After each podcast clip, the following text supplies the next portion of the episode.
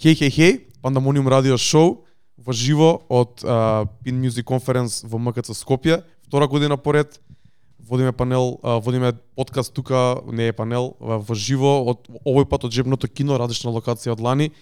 Тука сме во живо, знаете да дека исто како лани кој имаме гости, uh, ќе збориме на англиски, така да ќе освичнеме одма на англиски и да почнеме со introduction, може.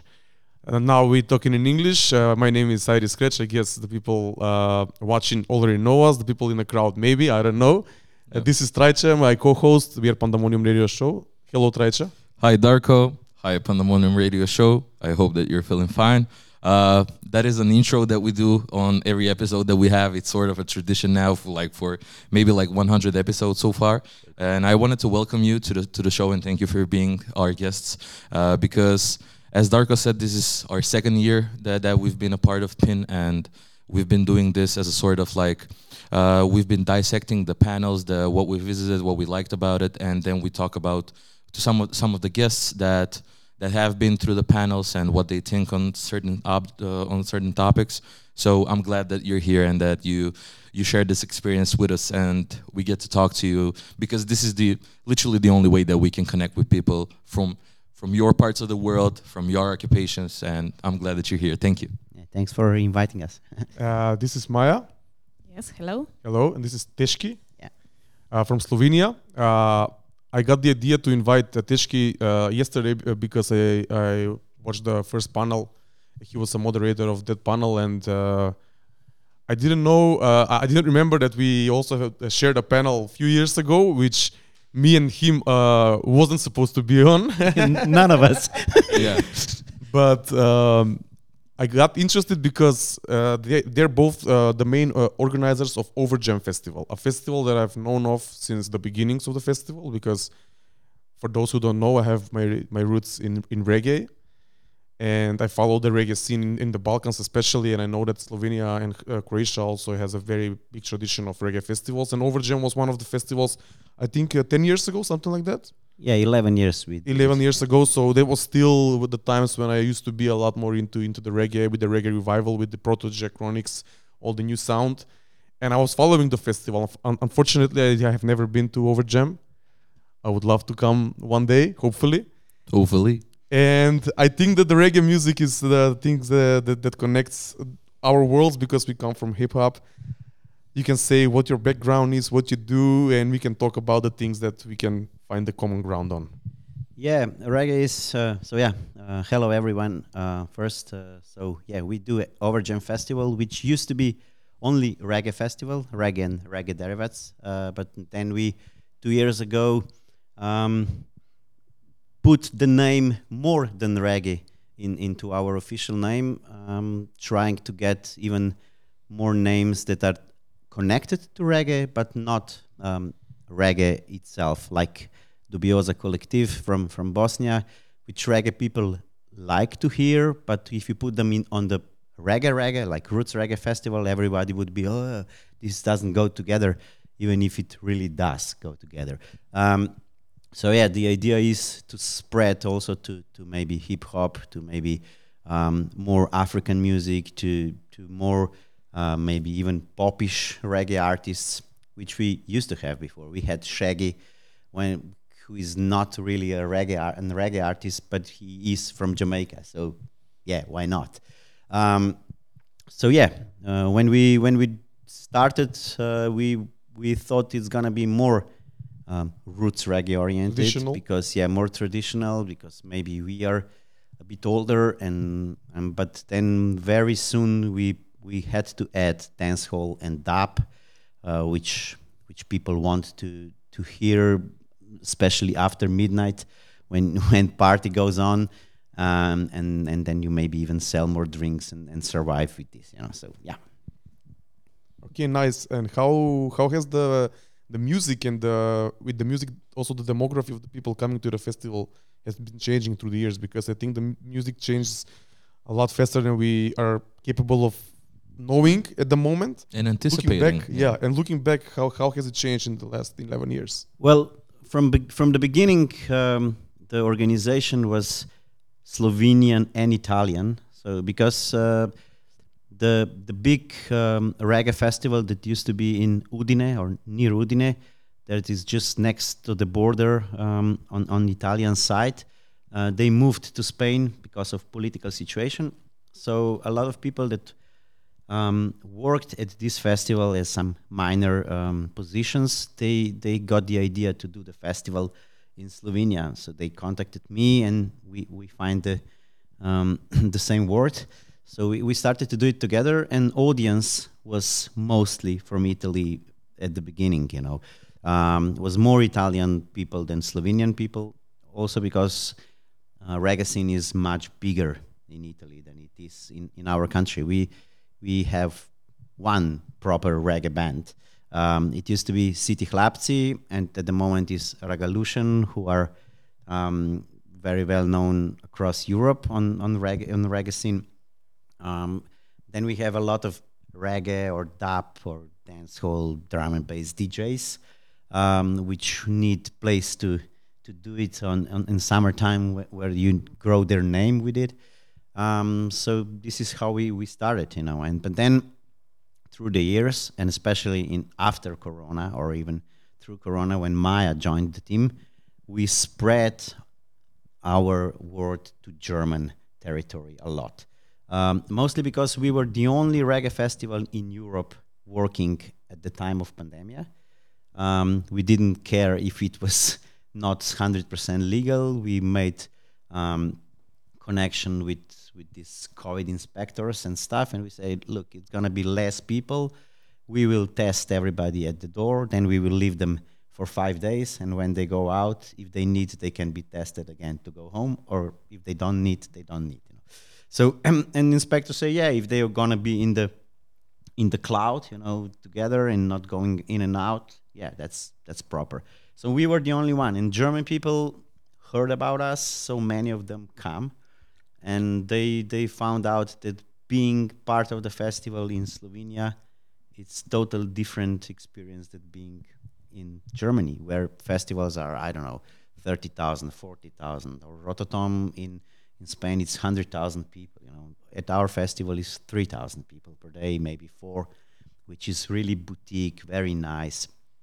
And then we do a lot of programs, not just music, where where these people could, you know, enjoy the festival 24/7. You know, and uh, I would like Maya to talk about this a little bit more because she's she was the the main the main person to do I would say non-music part of, of the festival. So we have Overjam for kids, we have workshops and But this is the music podcast, so I will no, just no, add. no. thi- Yeah, I will just add this um, because I think it's so uh, intervened. You know, music has the power, always had the power in in um, human society, and is the biggest driver.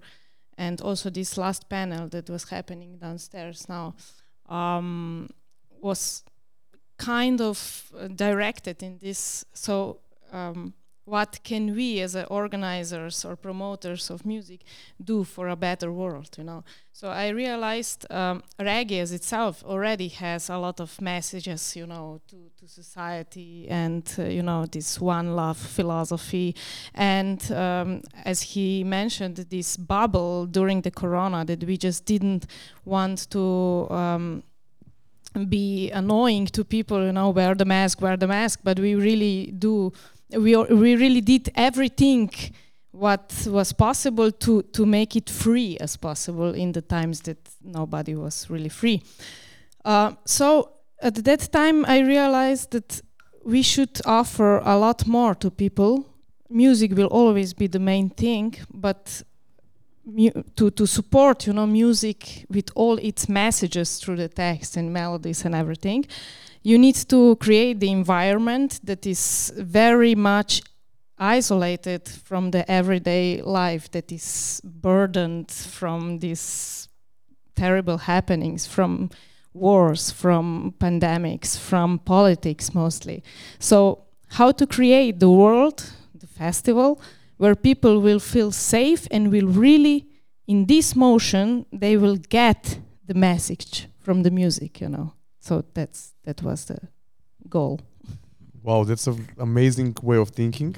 Yeah, I mean, like uh, as as as she said, like reggae music is really, uh, con- I mean, I would say like it's really uh, parallel to hip hop music in a way that it speaks to it speaks to society, it speaks to empowerment of of people in a sense, and uh, that's why I think that uh, I would I would want to ask: Is that was that the turning point where the festival became actually a festival rather than just music and just people coming j- just to enjoy the music? Because I, w- I would take the only festival here who, who's actually like produced by by Password itself is the festival, which is the only festival in Macedonia that is three days and that can actually hold you in the campus and it has activities that go throughout the day and it sort of captivates you and it makes you stay here for three days and not just go to the venues and just see the concerts. You have all the activities around, and that's when I think like when it when it came when it started, it was only like music, and then the turning point was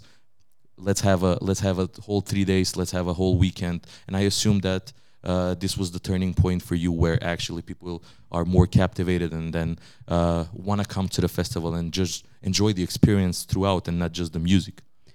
Yeah, um, the festival when it started was like it was four people wanted to have a big birthday celebration for their 20 years i think you know or something so they say hey let's put our money together and then we can invite a good artist and invite all the people and then they realize this is too much money if you want to uh, bring this artist. And then why wouldn't we sell tickets you know to our friends? And then these friends were 2000 people you know. Uh, so it became festival. And the first year was just like this was um, a lot of music that started i don't know 8 o'clock evening and then finish 6 o'clock in the morning. And then through the day was lying around you know and doing nothing and then then um, the second year when we moved to Tolmin because the first year was, was somewhere else uh, which for me was the um, the real start of the festival uh, I would say this was the year one before was year zero, you know. Um, so and then from from this point we say, hey, it it needs to be more festival. So it needs to have more activities. It needs to have, okay, we have three stages, but that's not enough, you know. What do people do uh, through the day, you know? Okay, let's give them university, which is which is sort of a panel talk uh, to the people, um, and but then let's give them um, things that um, that are aware, you know, to aware them in, in some. So we have ecolo- ecology, we have um, using um, wheat as as medicine um, and and food. Then we have uh, artists that that were talking about their background. We have uh, women struggling in Jamaica. Um, so we have women artists talking about that um, against war, mean, and things like this. So Overjam University was a big thing, even if I don't know, thirty or forty people was listening to it. Um, but then it grows, you know. Then then we have um, workshops through the day. Of course, some connected to music, some connected to sport, uh, sport activities. We try to to um, invite people to go around the festival to the mountains, to, to swim in the river and stuff like this. And then very early, um, I don't know which year was it when we when we saw there was a lot of kids coming to the festival. So we say, hey, let's do Overjam for kids. You know, so we we made a brand out of it, and more and more kids come. And then the last two years, it was so big that we made kindergarten out of it. You know, so it means you as a parent, because usually you come in pair.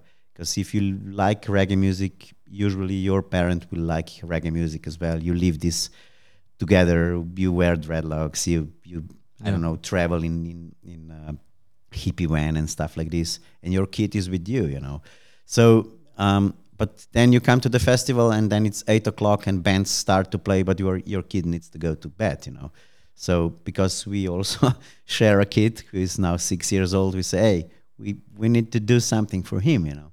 So last year it was it was the way that we have party for kids, you know, that, that starts in the morning and finish ten o'clock after I mean at night. So it means that parents can can enjoy at least half of the concerts Yeah. without the kid, and then usually they would bring the kid who would sleep on the floor, right and they next would be still Yeah, yeah, dancing. yeah. Um, so this was a big thing. Yeah, in the last year we even integrated this night babysitting, you know, private night babysitting in in campers and everything. So uh, we really wanted, you know, that people that come really fully enjoy and experience the festival.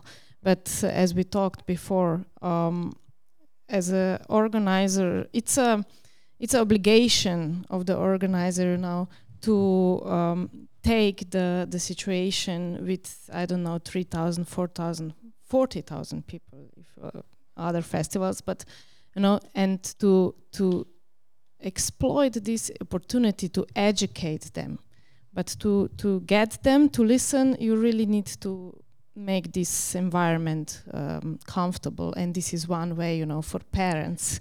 Uh, but also, there was not just simple animations for kids. We also have educative parts in this Overjam for Kids program. So kids were uh, were educated as well uh, about music, but also about the society, also about the you know the sustainability thinking and caring and one love philosophy. So it all starts by education and raising how we will raise the kids this is how the society will look like in 10 15 20 years Yeah, we have uh, um, King Jamie this year, who is beginner of dancehall scene. Actually, he was the first DJ from Jamaica that was doing it. You know, and and he didn't just come to be a DJ. He came to to have a panel on university. He came to talk to the kids. So it was the whole package, you know. So and he had two shows, and sh- show was at the end the the least important thing of his coming. You know, for us was of course important. We went to Jamaica to book him. You know, he wouldn't come otherwise. The last four years he wasn't performing because he had heart attack, and he didn't want to do it anymore, especially not going overseas. But then the whole um, Overjam family, as we called ourselves, and, and our family with with grandma and everybody, we all went to his house. You know, and first he was like.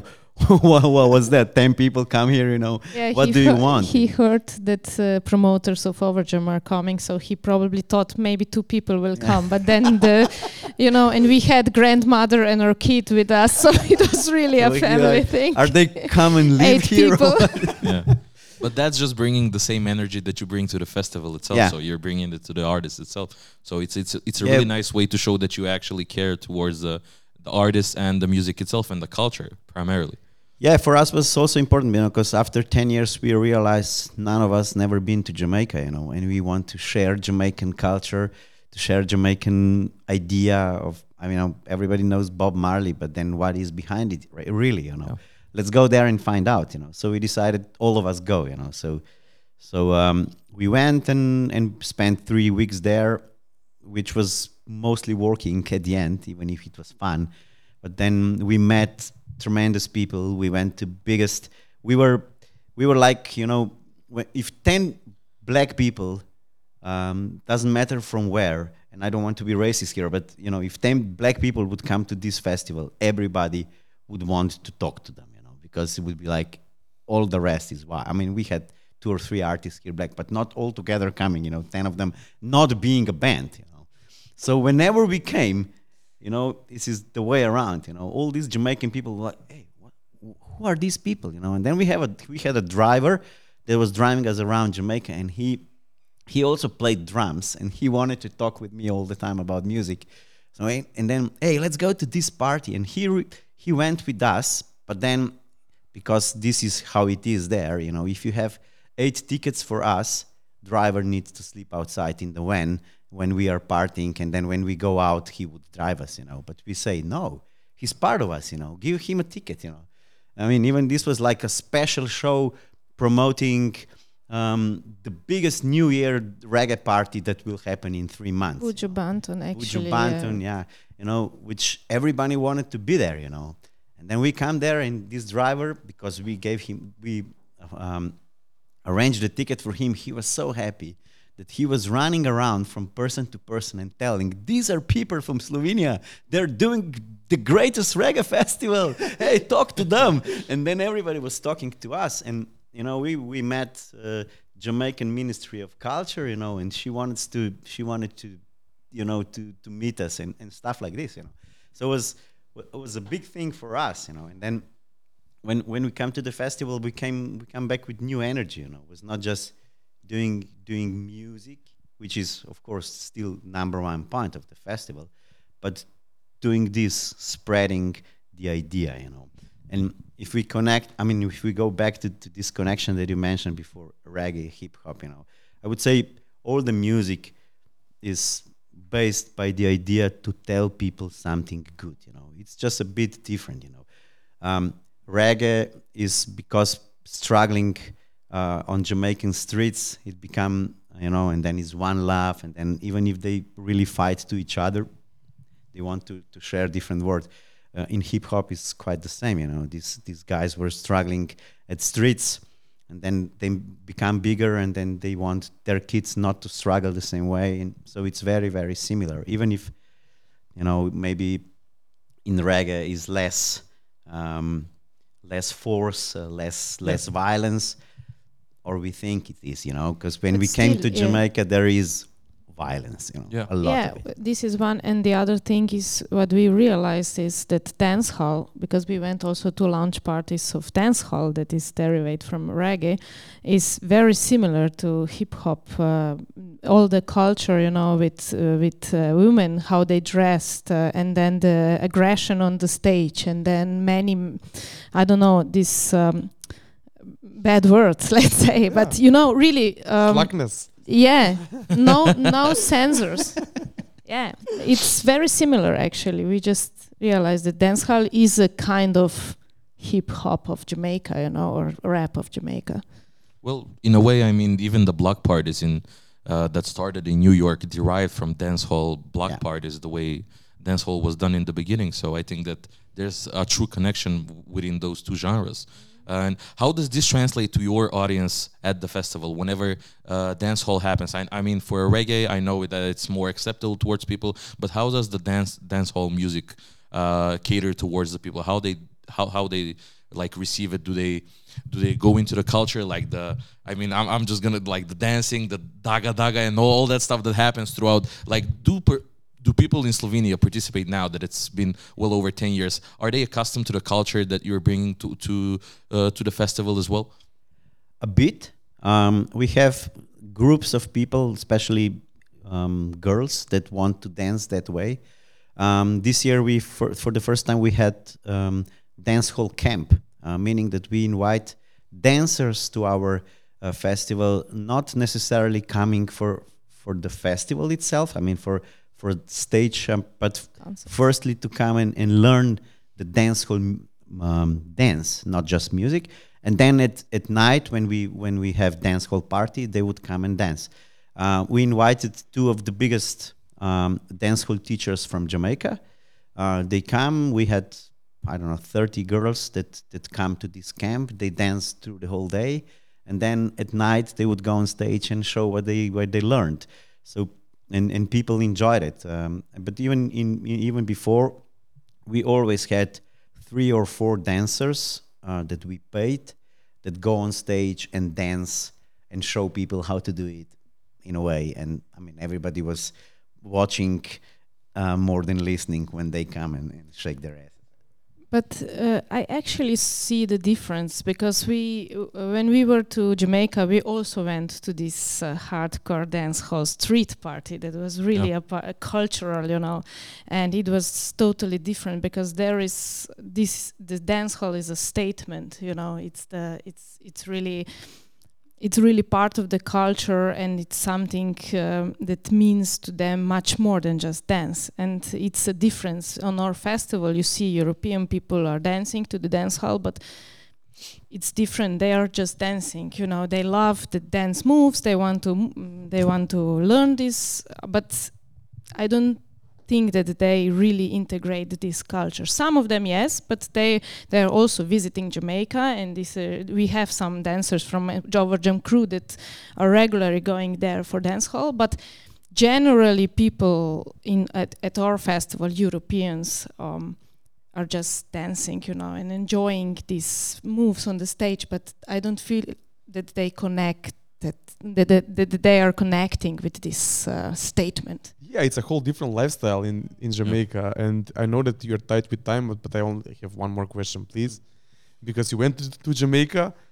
What kind of music is now played in Jamaica on the sound systems, on the radio, on the shows, on the parties, on the everywhere around? Like, what is the most popping sound now? Because I've seen the resurgence of dancehall with with the new sound, with the reggae. I, I don't think there are many good new artists. So, what is playing right now in Jamaica? It's mostly Afrobeats. Oh, Afrobeat, Afrobeat, is being played it's- in, in Jamaica. Yeah, it's big in the clubs. Also, dancehall still. I mean, when we went, I mean, I would say it's not the answer to this question, but I need to say it. I found many, many similarities between Jamaica and the Balkans. Um, especially maybe the way it used to be when we still was Yugoslavia or I mean for me going to Jamaica was very similar than going to I don't know Bosnia. Um, the way they do dancehall party, it's some people come, they throw the speakers out of the van, they they build it, they build a stage, uh, DJs come, they put um, the the bar, they start to sell drinks. Okay, new thing is that they uh, people go around and sell weed in, in this big, you know, or you can buy just a joint or whatever. But okay, it's this is this is different. But the, the same is the same as like you know somebody here would maybe be selling I don't know burek or or uh, krofne or whatever you know, but they sell wheat you know. So it's but you know everybody went there and they everybody dance and nobody cares. It's you you don't know one week before where this is gonna happen. You know one day or two days before because it pops out, you know, and then bam, everybody goes there. We met people on on the street, big artists that come around, and you know we were like, what is he doing here? You know, it's just, and then at midnight or one o'clock or how much it was, you know, police comes, and nobody complains. You know, police was just going in the middle. They didn't run out of, I mean, go out of the car. They wait one more song, and then the music stops, and the party's over. you know, I, um, and yeah, that was that was dance hall that go into Afrobeat as well. Uh, but when we went to, to other clubs, because we wanted to to see, there was mostly mostly Afrobeats, which we also then want to integrate to our festival when when we come, because we we know that our audience listen to what is happening in Jamaica and they want this. Um, also, for the first time, we brought Jamaican food, but the proper one, you know, like jerk chicken, which uh, I'm vegetarian, but I still want jerk chicken to be part of my festival. I went there, I learned actually how to do it. I got the recipe. Then we found um, a, a team of people in Slovenia that that want to do it. You know, hey, this is the recipe. Learn how to do it. Come to the festival and, and give people proper um, jerk chicken. We're gonna need the recipe, okay? yeah, we're gonna need the recipe. We have a jerk sauce actually, a whole a whole jar of it, and it's and it's been like a thing that w- we want to make jerk chicken and just like it's it's all about Yeah. the spices you know it's all about the Yeah. spices and then cooking this chicken too much, you much. know it's, Yeah. it needs to be dried out you know Can I just add one thing? Do we have time? Yeah, we Yeah, have okay. we have time. like- uh, Okay, it's, no, just you. You can. Because in terms of music in Jamaica, the other perspective, I mean, artists, um, it's really, really sad that in Jamaica there is no really a proper uh, schooling system for, for talented artists, uh, which is strange in all this year and all this music that that go, uh, went around the world, you know, because if you're a talented uh, musician in, in Jamaica, there is one school, Alpha Boys, Boys. Alpha Boys, uh, which is very limited, you know, it, and it's kind of academic one. But if you're a talented musician, you re- you still have to go to America, you know, across the ocean to succeed. It's it's not enough. I mean, some of them succeed uh, succeed also from the um, Jamaica, but it's really really hard But way. like a musical school or uh, something like an agency, like, uh, like yep both of it actually because um, music school really on the whole island is just one music school and it's called alpha boys. And this is the school where also bob marley was um, and and some of the musicians that we know they they learned their first steps there. We went there and it's actually not a music school at the, at the first it's it's many other things and they also um, do things uh, I like they they uh, do tables. They do they they they learn how to do other things, and then there's also music, you know. But then when when they become artists, if they want to succeed, they they need to go to LA or or somewhere, or and, is, and also if they want to get a booking agent, it needs to be the one from LA. You know. We have one or two old old agents in, in Jamaica in Kingston um, who who are also are connected then to American uh, agencies because which is which is then bad of course for us who want to buy um, these artists you know. When we when we went to King Jamie to his home we we we didn't need much time to to negotiate the price you know. He said I want the four people to come with me want my wife because i'm old i don't know if i'm going to come back. Um, i want my um, son because he's going to help me with technicians and and and and they then i don't need i don't know i need 2000 euros you know. okay reasonable price if that would go through this agent in jamaica who's an old guy that is king of of this scene, you know, he it would be five thousand. But then because we can't call him, we need to call the agent in America. It's already ten thousand, you know, Yeah, and not four people. It needs to be eight people because they would need to bring some. I don't know, you know. So it's it's um, reggae scene also died a little bit in Jamaica because of this. You know, all the good artists went to went to America, and then they become. I mean, like all the sons of uh, Bob Marley, they don't do really reg, um, roots reggae, or they don't do reggae. You know, I don't know. Kimani Marley is a good hip hop artist, actually. Um, Damian Marley also. Yeah, Damian Marley as well. Yeah. Yeah. Damian Marley, who who is like the most um, likable, you know, of all of the sons, who who represents Bob Marley, but through different type of. I mean, of course, music grows, music is changing. I don't want that they would be doing the same music, but just you know, some of them they could, you know. But then you go to America, and then you see American artists, or also like Germany or or France, you know, who do a proper Jamaican sound, you know, thirty years old. You know. So this is this is a big a big difference, but it, it happens mostly because of of the greedy uh, agents, you know, that want to, you know, it's not doubling the price. It's like it's not even tripling the price. It's you know five times more just for them to come. And then usually you would even not talk to American agent, you would talk to English agent.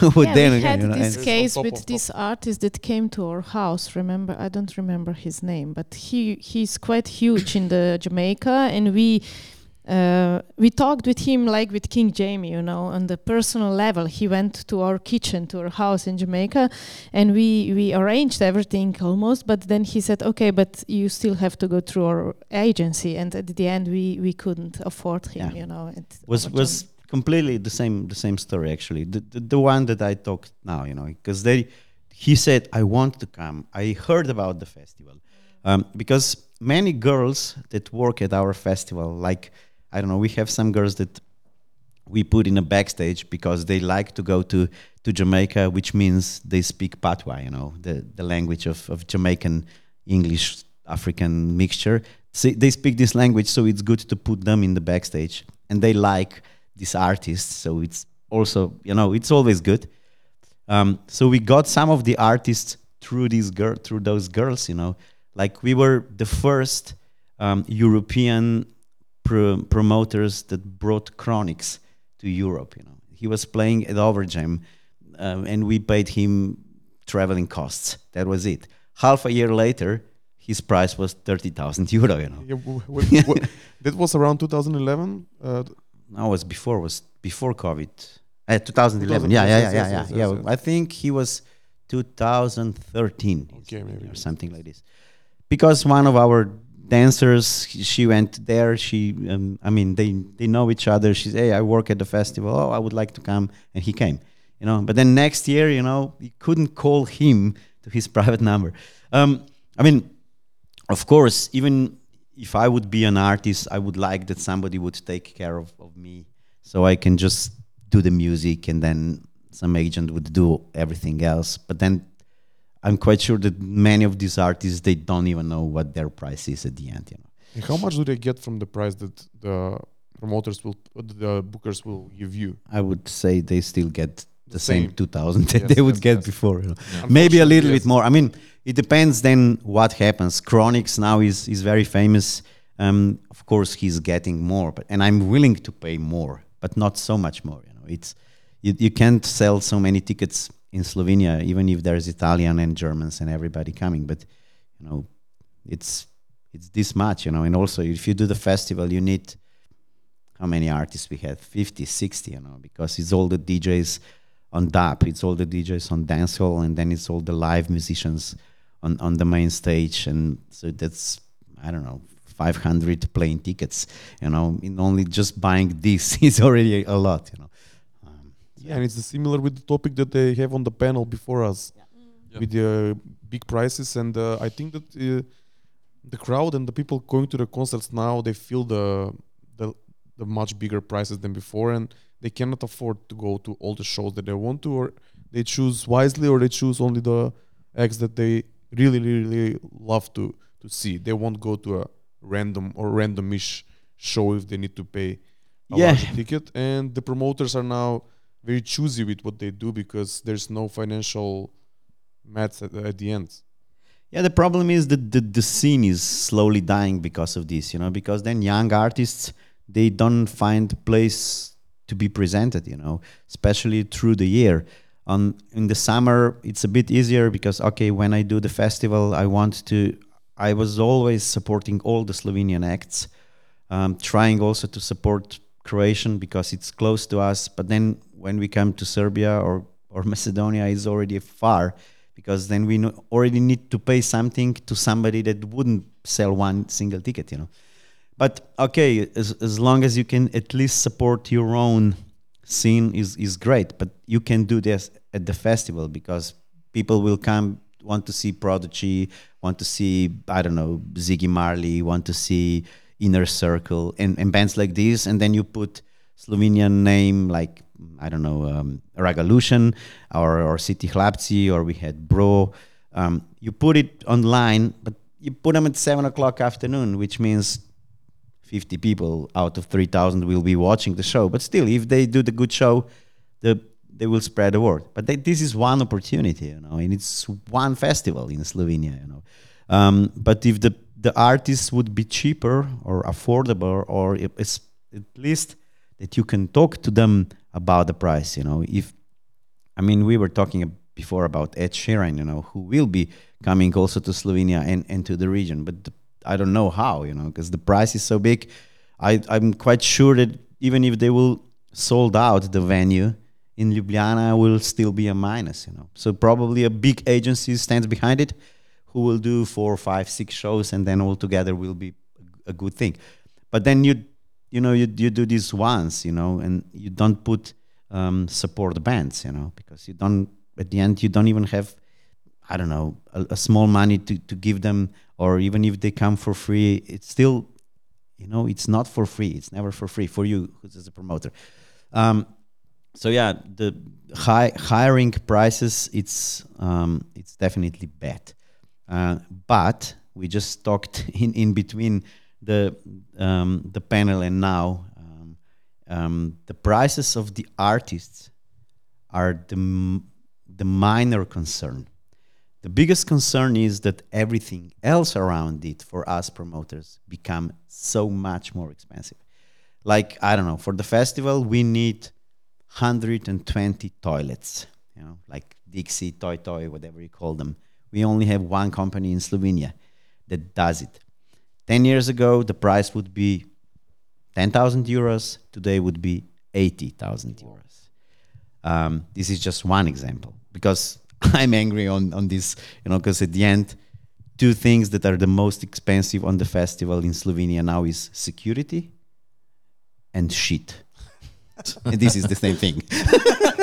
yeah, and this is sad, you know, because at the end uh, you are trying to negotiate with the artist, which is not so cool because they are the biggest value of the festival. Because you can't negotiate with the one and only company in the country that is the only one that has enough toilets, you know, for your festival. So it's it's a terrible thing behind the scenes. Yeah, the most terrible thing is that the, at the end you are negotiating with the small bands, you know. So I'm the not. local ones, you, it's yeah. it's hard to negotiate with. I doesn't matter, you know. The the the headliner. The headliners say, "I want fifty thousand euro." You say, "Oh, I don't have fifty thousand euro." Ah, you don't not gonna you're not gonna get the band. Okay, let's wait three months. So the tour is booked. They will call you back and say, "Hey, I have a Wednesday. Do you do festival on Wednesday? I do festival on Wednesday. Okay, on Wednesday you can get it half price. Otherwise, we have day off, so it's better for for us to have half price. Okay, half price in Slovenia goes. You know, so okay, let's put. But you know, it's already May, but we do festival in August. So now we can start promoting. You know, we want to sell tickets in December. You know, so now okay, people believe us. They trust we are gonna do um, good lineup and everything. But the first time you fail, you fail forever. Um, so yeah, you don't negotiate with them, even if they're at the end 25 inste- instead of 50. Then you have three artists like this. Then you have toilets, security, lands that are going crazy. Um, festival tax that is now a new thing in Slovenia that local authorities want to charge, etc., etc. And at the end, and you say, okay, now I have the the the core. Now I need DJs that will be Slovenians. I need small bands that will be Slovenians or maybe Italians just across the border. How much do you cost? I cost 800 euros. Ah, can it be 600? you know, what did we do? You know, yeah, it's it's terrible. Yeah, because it shouldn't be like that. But on the other hand, you also have to survive. And if I go back to the my first thought that was really nice and romantic, that we are obliged, you know, to to to bring people this environment when there will be space and place for these messages from the music. We won't be able to do it in the future if we won't be able to to set a festival or the the environment because of these other costs. And this should be the the topic of the important discussion of such panels as today. What can we do you know to pers- to to survive as organizers and promoters let's say to stay in the business and to be able to to make these environments for the music to really be the still the heartfelt thing you know not just the capitalistic thing. My, my appel to all the listeners uh, behind the camera now would be support local promoters, even if they sometimes would do a concert that you would not 100% like, you would just 80% like, and the price would maybe be 2 euros or, or 100 dinars more than, than you would like to pay. Go there because this is the only way that these the same promoters will bring this year or next year or in two years artists you'd like to see. Because if they will survive you will survive. I mean the scene will survive if promoters will survive. And but the sadly at the moment we as listeners you know we we are the only one who can help the scene. Uh, if we have good local bands playing in in skopje go there uh, support them. Because then sometime they will become bigger and you will know that you were part of them i mean part of their growing. And this is i think the most important. And it's the best feeling if i remember i don't know my my early years when i was 15 or 16 and my schoolmate was uh, having a, a, band and this band was not the best of them all but i was supporting them uh, they are now the biggest slovenian rock band and I can feel very good because I was one of 50 people on the first concert. So try to to be this. Yeah, that's really nice. That's actually what, uh, like I myself indulge in when like Darko uh, organizes stuff. Like I always try and pay, even though he says no. I always try and pay for the ticket myself, even if it means that I'll have to give it to somebody else because he wouldn't let me inside without an actual ticket. He will just say, "Hey, come with me." But I always try to support him because if your friends do not support you and you do not support the local scene, how would it how how would it else survive? You you wouldn't uh, rely on somebody else who doesn't know you uh, to actually support you. So support should come from the from the ones that are always near you. So yeah, I think that, that that's a that's a really uh, well said thing. Like I really respect it, and thank you for saying that because well. yeah, it, it, it is. Uh, it's not just in Slovenia. That's like everywhere locally. Everywhere, it's, yeah. it's it's it's worldwide. Like if you if if something needs to survive, it should be like homegrown and it should come from the from the people that are around you and that uh, actually do need to to support you. Yeah, it's it's mostly we are always you know thinking why why it's the price of the ticket I don't know ten euro you know is this band big enough to charge ten euro? Hey, it's many things behind it. Let's pay ten euro, come in and and let's check if this band maybe also sell some merch you know and, and buy it and and and then wear it and promote the band you know especially if you like it you know because you know the, the situation is much different than i don't know 20 years ago when we were all buying cds and music and stuff and bands were getting some part of it at least. Um, you know today is, is not like this you know we we listen to most of the music i don't know on youtube maybe spotify um, mostly the free um, the free one not the paid one you know because you, you can you know. Um, so so yeah the, the the thing where we can actually support is paying for the ticket and then maybe buying some merchandise and stuff that this band actually sells at at the venue and most of the time this is the money that they will really get you know. Yeah, I mean, uh, that's something that we have been doing for like the past two, three years.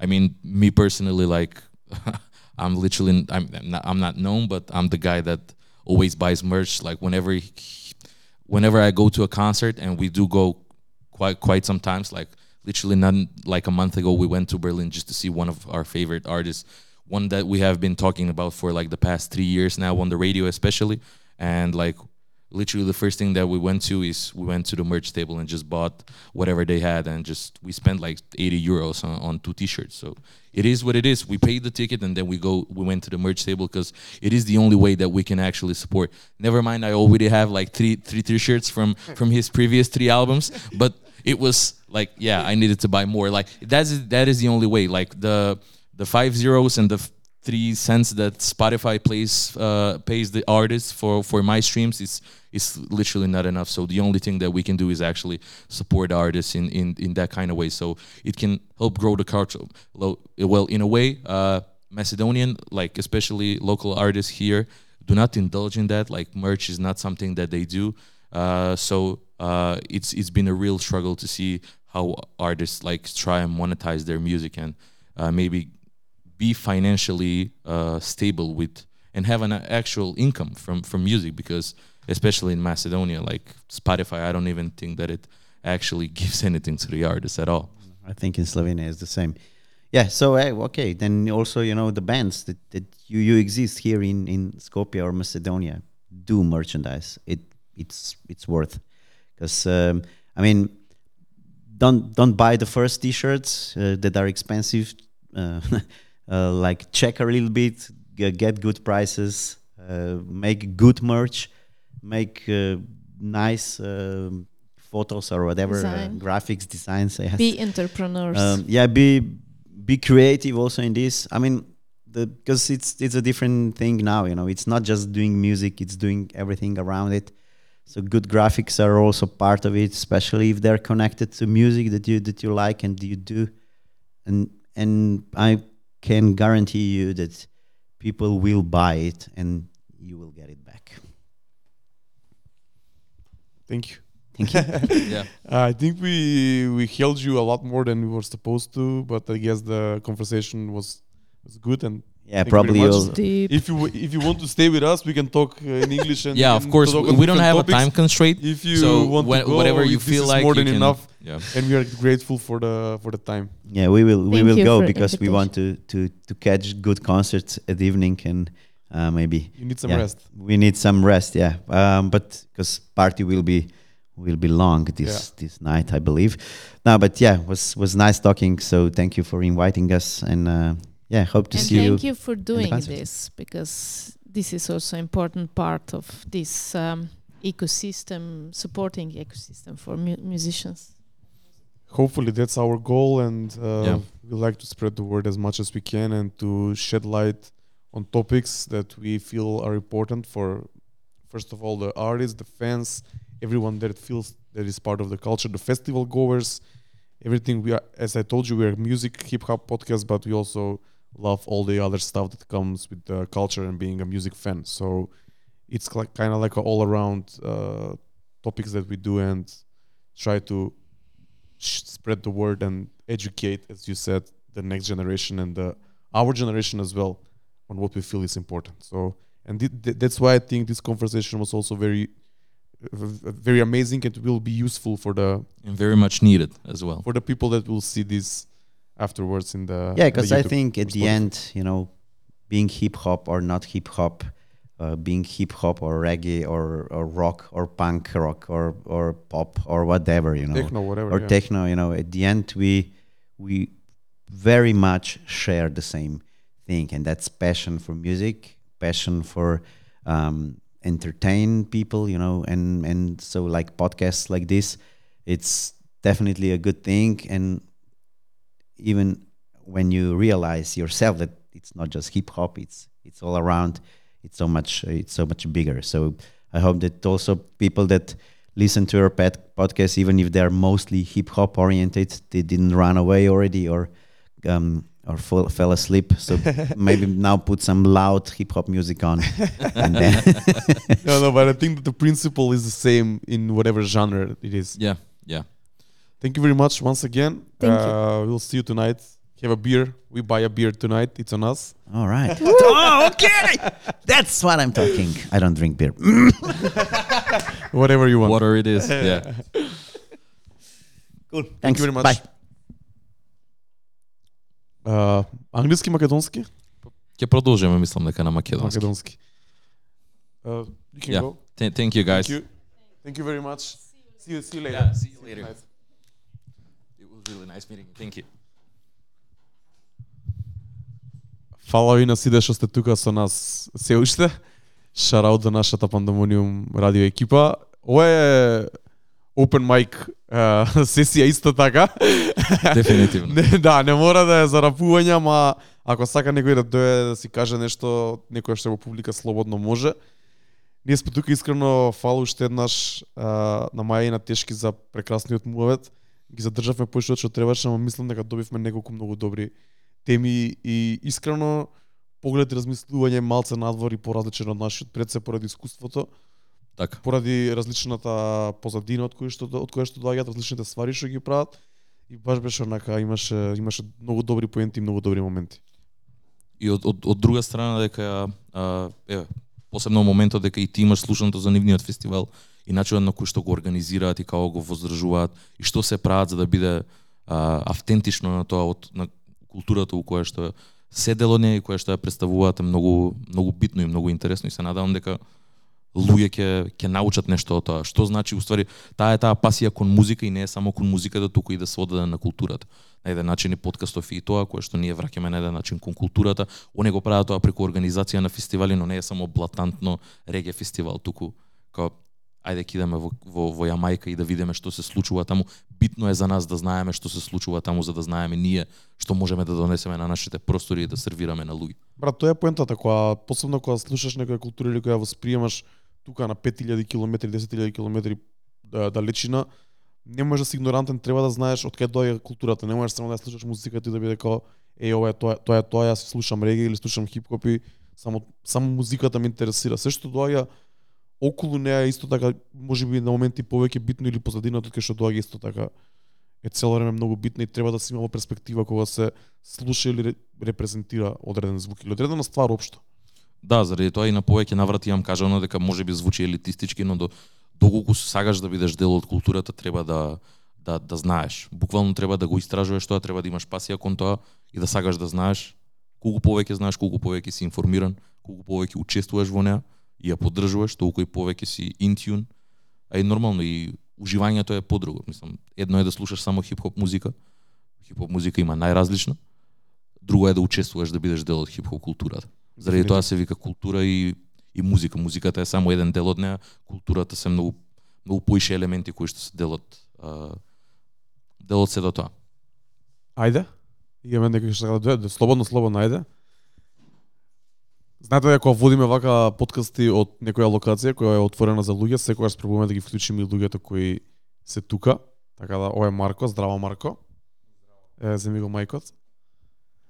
А, јас само сакав да се надоврзам на муаветот. сега што го почнавте за информирање на музиката. Тоа е да главно нешто и еве конкретно кога се прави фестивал за што еве регија фестивал на пример, лошо е да се затвори на еден жанр. Бидејќи не, тоа да се Што сакаш да кажеш? а, треба повеќе да се истражува, како што кажа Трајче, треба повеќе да се истражува уврска со тоа што точно у кој правец се иде и со музиката, исто така нешто многу лошо кај музичари во цел свет, не само во Македонија, дека панкери, на пример, само се држат за панкот или за рокот. Не го пуштаат. Као не, не, не, не се дозволуваат да се отворат на повеќе жанрови, бидејќи мислат дека нивниот е најдобар и тоа е нешто многу лошо кај што ја уништува и креативноста и само се затвараш во едно нешто и ја уништува креативноста на некој начин. Се слагам, ја го немам тој проблем, ја сум бил мал мал период од животот така затворен само кон хип-хоп, али штом сум се отворил еднаш после тоа полесно идело да се и гледам да се инспирирам од други ствари. А и тој го имаме зборено на поише наврати онака пуштам хип-хоп музика, ама инспириран од многу други од, од други жанрови, од други начини на пуштање музика и слушањето и пристапот онака некои работи, затоа реков дека принципите кои ги збореше и тешки, па дури и Маја Преска дека важат може да се пресликаат во твојот жанр или во работата што ти ја правиш или музиката која ја правиш или ја слушаш онака ако има некоја добра идеја што, се однесува на електронска музика може да се преслика ова ние што го правиме на наш начин не да се украде блатантно него да Така. да се инспирираш да го направиш да го прилагодиш на тоа ти што го правиш тоа е многу добар момент и мислам дека и тие кои соработуваат и излагаат од тој нивен бокс и нивната кутија бокс кутија тие се тие што ја буткаат музиката напред и тие се тие што се најчесто вреднувани за Те разбирам, ја, ја можам уникатноста у тоа што го прават, како да кажам. да, експерименталност на пример е голем дел од хип-хоп музиката, а фузија исто така голем дел од хип-хоп музика веќе кога збориме. Тоа што го кажа Марко, ја можеби на пример сум жртва и сум као дел од проблемот на тоа бидејќи најчесто стварите кои што ги слушам некако се поврзани со хип-хоп музика и револвираат околу тоа без разлика дали на пример е веќе R&B кое што ако си елитист ќе кажеш дека е малце поинаку од хип-хоп иако тука некаде е, но а, и, и, ја дели истата култура, ама од друга страна, а, на пример, ја не можам да кажам за себе дека сум човек кој што слуша многу различни жанрови на музика, мој пак се жанрови кои што се многу сродни на хип-хоп музиката и заради тоа сваќам дека сум дел од проблемот, ама пробувам да а, да наоѓам многу работи кои што се многу по а, на спектрот многу различни во, во хип-хопот. Тоа го имам кажано дека на пример хип-хопот за мене е еден од нај нај, нај она најшарените жанрови од сите кои што а, она целиот ја запамти она целиот а, целиот спектар на на звуци и на на инспирации е многу поголем него ли било што барем што моите слуши моите уши го имаат слушнато. И мислам дека заради тоа те сваќам, ама од друга страна знам дека и на пример хип-хоп музиката и таа што ја ја конзумирам и колку што можам и колку што пробувам да да видам све што има. И таа моја љубопитност кон музиката ме прави да бидам дел од културата. Од друга страна, од друга страна джез музика и такви некои ствари кои што се кои што се многу сродни или можеби се и на еден начин инспирации, хип-хопот влече инспирација од нив. Исто така се се се жанрови кои што ги слушам, ама не би отишол до толку далеку каде што ќе можам да кажам дека на пример рок некогаш сум навлегол многу длабоко во рок музика, во панк музика или па дури и електронска музика би рекол, многу само површински онака колку она прст прашена да избереше на И тоа преку Дрейк. Буквално. Знаеш нешто што е многу интересно за- еве хип-хопот и панкот, како бидејќи јас сум главно многу повеќе повеќе се разбирам во рок, панк, ска и сите тие подгранки на рокот.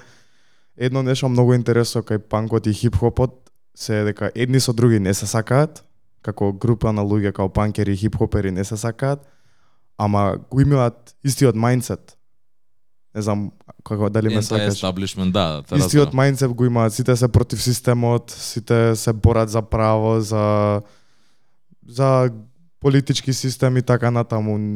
Као истиот мајндсет, но не се трпат едни со други. Тоа е нешто најсмешно Да. жанрови ако За, за, затоа велам, затоа велам дека хип-хопот е не е шарен бидејќи да, ги имаш буквално тие моменти каде што хип-хопот хип-хопот е таков анти-естаблишмент, ја има таа го има тој момент, ама од друга страна е најголемиот жанр на светот Не мислам дека веќе е хип-хопот е анти-естаблишмент и баш напротив мислам дека Епа, е да, она... дека веќе има влезено во Мислам, не веќе, мислам дека од самиот почеток било онака. Не, не од можеби од самиот почеток, ама тоа што доаѓа од Америка и тоа што е најак во Америка го прави да е онака еден од најкапиталистичките жанрови, и онака е, и што е е дефинитивно. дривен од пари и од е, слава и од се тоа што ти носат што, што, што ти носи таа кариера. Тоа е тоа што можеби се коси со моите лични лични сваќања, ама за тоа не го земам толку здраво за готово тој момент на хип-хопот, тој флешинес и тој курс со пари и тие ствари, туку само го земам како во, во друга форма, го пресликувам во друга форма.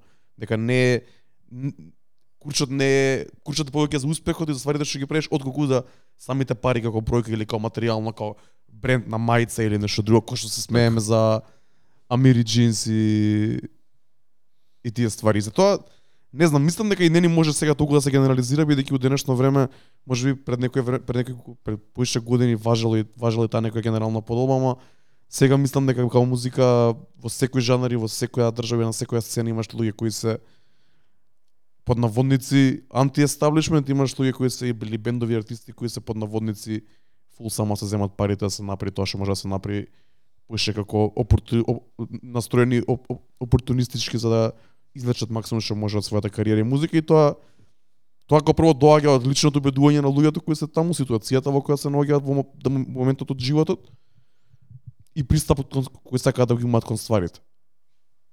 И на крајот на денот заради тоа е музички бизнис, едноставно и е а, веќе една цела машина која што функционира веќе многу години уназад и веќе посебно и конкретно за хип-хопот, кој што кажа е една капиталистичка работа која што веќе е онака во голем дел е само се работи и за за financial gain.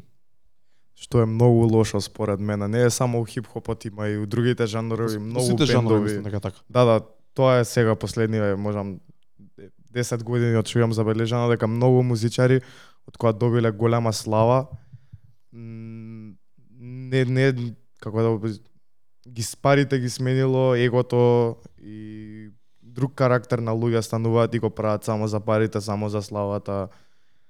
И Абе добро, Според тоа, мене тоа, дека- тоа се случувало и ќе се случува. Да, да. Ама дека некој проект на пример почнат со љубов и на крај се превртува многу гадна приказна и завршува Гле, пак ќе кажам дека мислам дека е до личното убедување на луѓето кои учествуваат во тоа, бидејќи не сме сите тука во собава исто настроени кон е, еднаквост, кон ширење, кон е, споделување на поднаводници на богатството, на еднаквост на финансиска и социјална Така. смисла, секој од нас и во собава и на и на пин, иако можеби на ваква конференција се послични луѓето, мање више за тие некои одредени моменти, посебно на некоја ваква малце поалтернативна и не мејнстрим конференција каде што учествуваат луѓе од независни фестивали, од помали фестивали, промо, независни промотери, артисти кои се онда кама под Балканот и слично, организации е, и слично. И може би тука отприлика се се слагаме и се ногиме сите дека имаме о, сличен некој мајндсет, ама кога споредиш во целата музичка индустрија или сцена, мислам дека сите луѓе пред се тоа доаѓа од лично убедување, многу сум сигурен дека е тоа така бидејќи има и артисти што се спомнаа пред како Ману Чао на пример што ја не го знаев тоа, ама не знам дали сега или одреден дел од кариерата не дозволувал картата за негов концерт да биде повеќе од 25 евра, што е таков момент на он сам сваќа дека дека треба да биде до, е, при, пристапно за луѓето да може да дојдат да, да, да, да посетат негов концерт. Искрено ќе ти кажам, ја имам и, так, так, и таков мајндсет за тоа што за да настаните што ги правиме у Македонија. Мислам дека треба дека цената треба да се одредува фер. Секогаш гледаме како шршатска организација да биде цената најниска што може да биде за да може да може луѓето што сакаат да дојдат да си го приуштат тоа. Да, бидејќи нели углавно се младите најбитни моментално и секогаш ќе бидат младата публика, ама тоа што го кажа за Ману Чао е точно и код би доста време го прави, нама не е само за картата, гледа и цените, мислам дека че имам сватено помавети, дека и цените на пијачки, на вода, на пиво, на вино, на така натаму да се разумни цени. И во Франција да е да разумна цена да не да е да не е некој Е па тоа е. 5 7 евра вода да земеш, знаеш. Мене тоа ми се свига. Мислам дека некојаш да е бил артист на тоа ниво, не дека би се залагал конкретно за тие ствари, али тие ствари од, го осликуваат и него како човек пред се и како Дефинитивно. артист, ама и ама и кореспондираат со неговата музика. Дека знаеш, не може затоа се изнервирав со Брна Бој, ќе видиме како ќе биде следна недела идам у Брисел на концерт, ама се изнервирав како може Брна Бој да продава толку скапи карти, кои некој ќе бидат пијачките, ќе видиме сигурно и Белгија, ама во голема арена ќе видиме на што ќе личи тоа. Али добро што се почна тема бидејќи мислам дека може да се навратиме малку на панелот што беше пред да почне нашиот подкаст, бидејќи таму се начна некои од овие теми, конкретно Да. за цената на картите за настапите на Ману Чао. Имаше ситуација каде што се спомна и концертот на Кендрик Ламар во Милано или во Италија, не знам точно каде. Така. Исто така и дешавката со 50 Cent во Загреб, која се случи сега пред месец два, на која што и Джеди беше беше након на самиот концерт.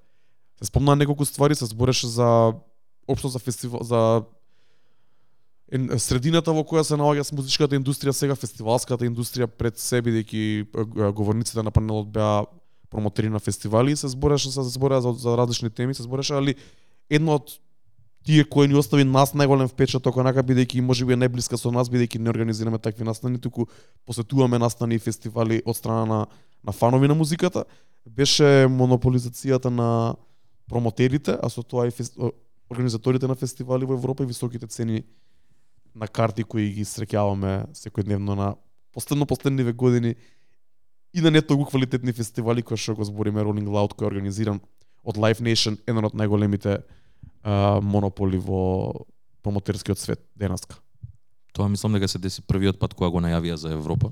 Беше 2020 или 2021 и онака ги Требаше да биде 2020. Да, и мислам дека прво нешто онака видовме тоа лето не бевме заедно со Дарко, ама знам дека си пишавме у тој момент из- излегуваат картите за Rolling Cloud и го гледаме лајнап и си викаме окей, Португалија, плажа, ја гледаме Портимао дека е уствари у Фаро, ја имам јас сум бил у Фаро, знам како е.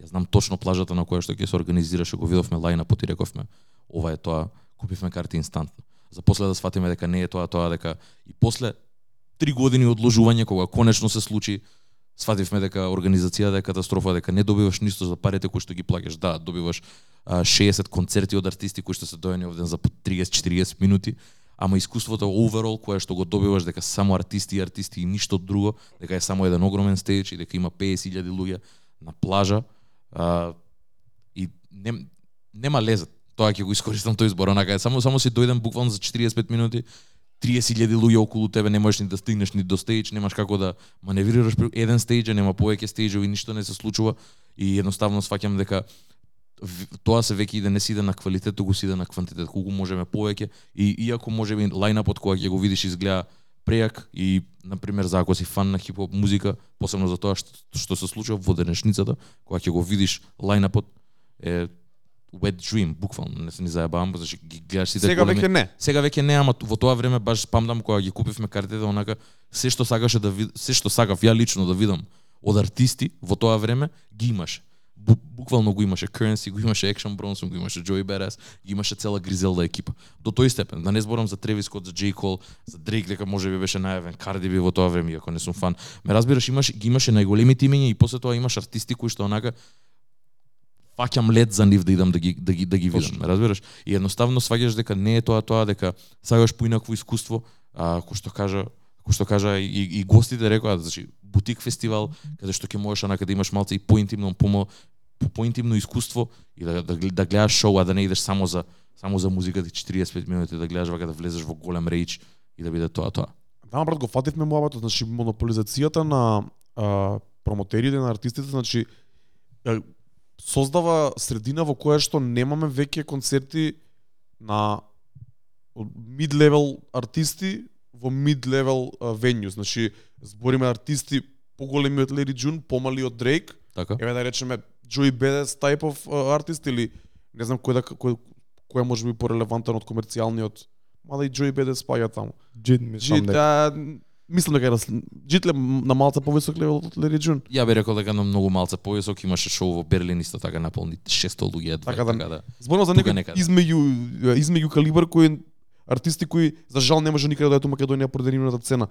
И поради тоа што а тоа е најверојатно поради тоа што голем промотер монопол промотери има има правата за концерти и ја го- продава артистот за многу повисока цена што реално заслужува и што реално локалните промотери може да го да го Да платат. го издржа тоа дефинитивно. И за тоа тие артисти настапуваат само на такви настани кои Rolling Loud кои гледам дека ова лето и не бај толку добро прифатени публиката. Не, мислам дека и воопшто и тоа што се деси лани буквално со конкретно во Минхен, мислам дека има луѓе многу лоши искуство каде што фестивалот каснеше, не беше добро организиран, луѓе скокаат линија, нема никаква организација он, и не остава добар вкус. Еднаш идеш и толку, мислам и она, тој тој тест на на лошо организиран фестивал, мислам дека останува и не сакаш да се вратиш. И заради тоа мислам дека и луѓе се поише и поише и тоа се случува моментално и се случуваше и со Тревис Скот, со, скелп, со скалпери кои што купуваат карти унапред и се препродаваат на Viagogo за енормни суми. Мене тоа ми се деси со Brandfires, каде што на денот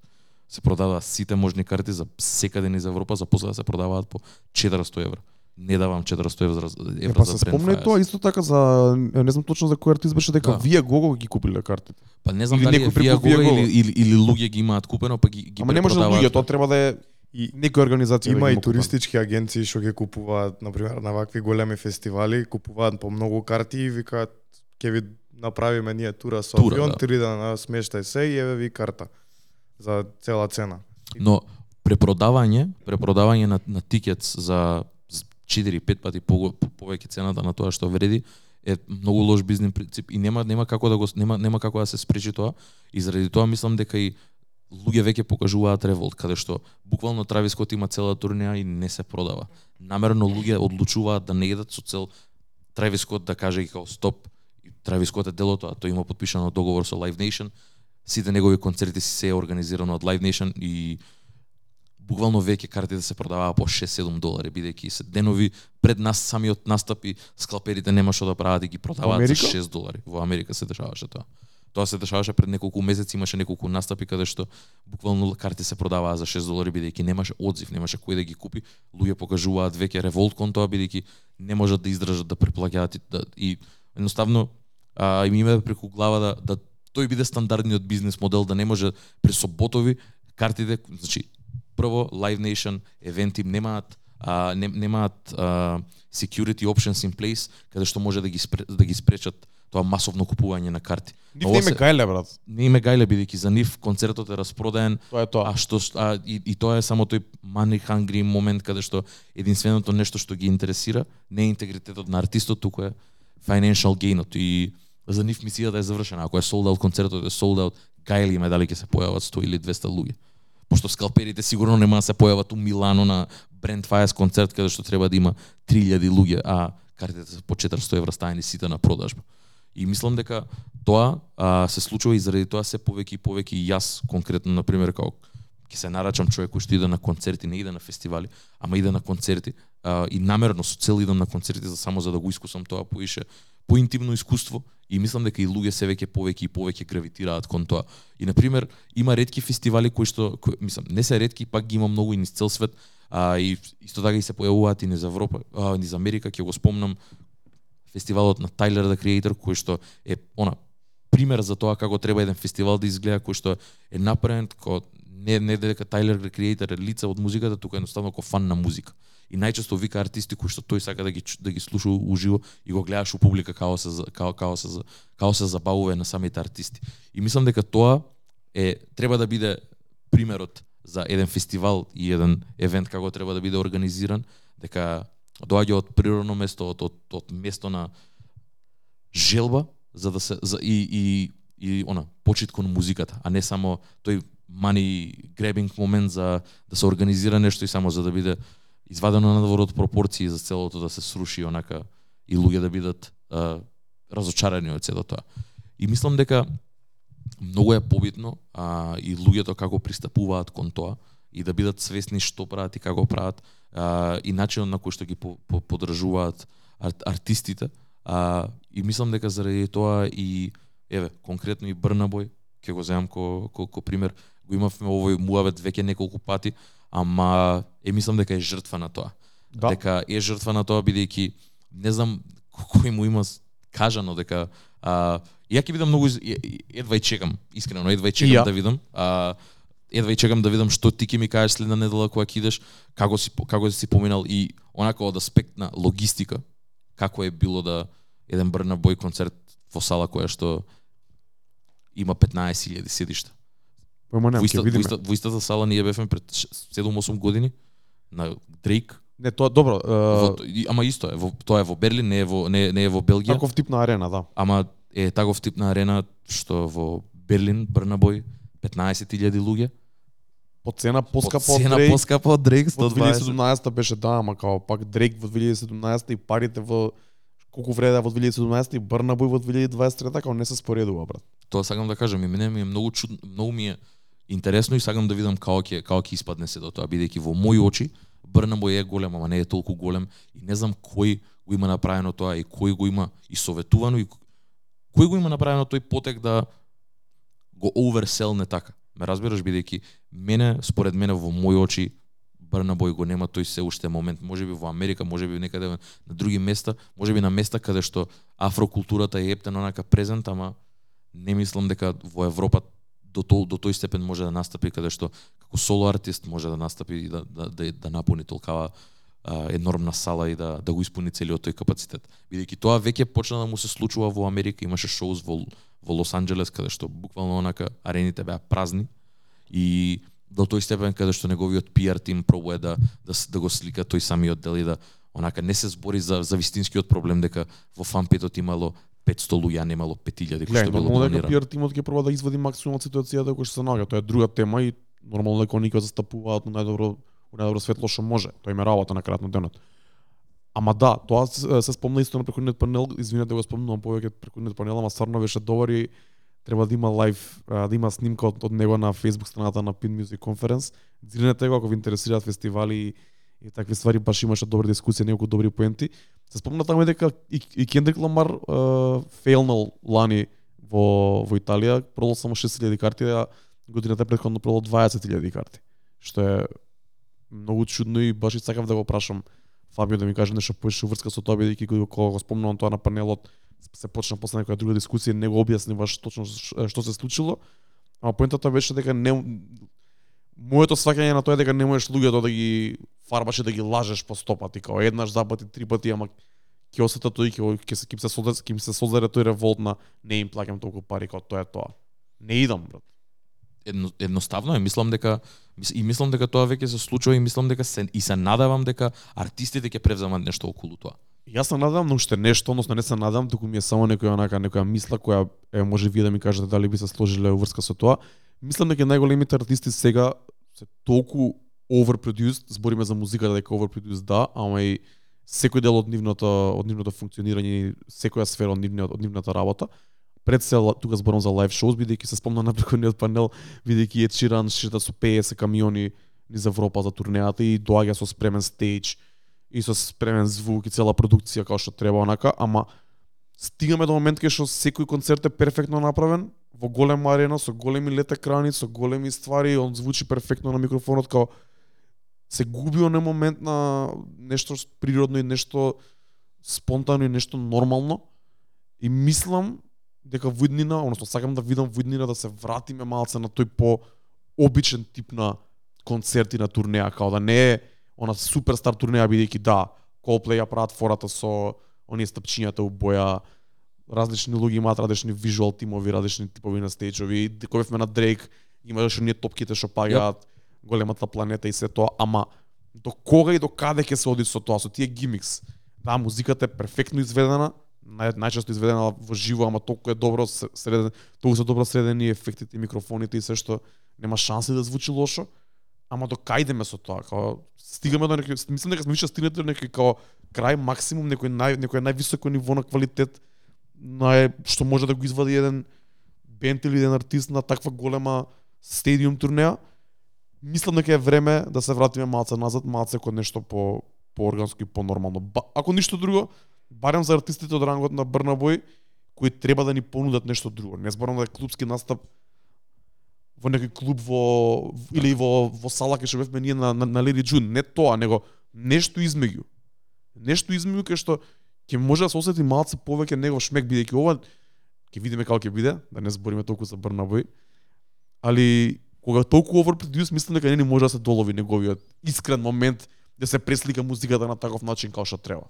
Затоа велам дека а, ако луѓе имаат шанса да идат на повеќе концерти кои што се од помал карактер, поинтимен карактер и да се ги видат артистите кои што сакаат да ги видат и тоа да им биде long lasting memory, а, мислам дека поише и ќе уживаат и во музиката и во искуството и ќе знаат зашто ги даваат твоите пари неголи да даваат 200 евра за еден она цел цел арей на, на артисти кои што ќе бидат таму само 45 минути и нема да имаат никаква конекција со публиката. Тоа. И мислам дека заради тоа ја поише многу почитувам а, приватни, мислам приватни концерти. Концерти кои што би сакал да се приватни. Ама да, да, работиме кон тоа. Али муабетот е дека поинтимни концерти од помал од, од помал капацитет со цел да луѓето имаат, мислам артистите имаат многу поискрена и многу поубава конекција со самите со самите фанови кои што се дојдени овде само за нив. Тоа е кој што кажа за различни видови на концерти, многу е голема разлика да помеѓу артист нели кој ќе дојде на фестивал и соло концерт кој ќе направи. Бидејќи на фестивал имаш други PS бендови што ќе свират, а ти си дојден за еден од тие PS и имаш различни публики, се исто мислам дека се деси, не знам која година во Америка, а, го ставија на некој фестивал, не ми текно како се каше, а, кар, а, Playboy карти, а после, не, после него свираше Майли Сайрес. И о, смешно малце и тажно, у публиката имало мали девојчиња и во шутките ги истепале. Е, па, Тоа е, мене ми се деси тоа, мене, мене ми се Тоа деси тоа утирана. Беше Фелис италијанец и после тоа Екшен Бронсон искочи, ја не знаев како да се понашам. И мене ми се деси у Белгија на Стромае, кога на фестивал на Верчестер бутик кога отидов, отидов само за Стромае. Не знам дека и Горилас ке свират и други пет бенда, ама имаше различни видови на луѓе кои што седеа напред, ама не им се гледаше и тоа е Па тука е се моментот на тоа што спомна преска реге Да. фестивал она. Треба да биде отворен, ама пак треба да биде направен да, да се стварите сродни едно со други, да публиката, демографијата на луѓе кои се таму, ако ништо друго во одреден момент да е сродно, да не е од една крајност од друга крајност, Майли Сайрус и Playboy карти као. Значи, да, да си одговараат едно со друго, Едно со да, друго. да, да, да бидат слични публики за да не се прави такви ама тоа е подобро и за текот на вечерта, и за Да, публиката, да, да. и за она и за луѓето кои доаѓаат на самиот фестивал. И како на ДФ што е на пример Lake Awake бината, првата вечер е само техно, втората вечер е транс и третата вечер се виет цела екипа.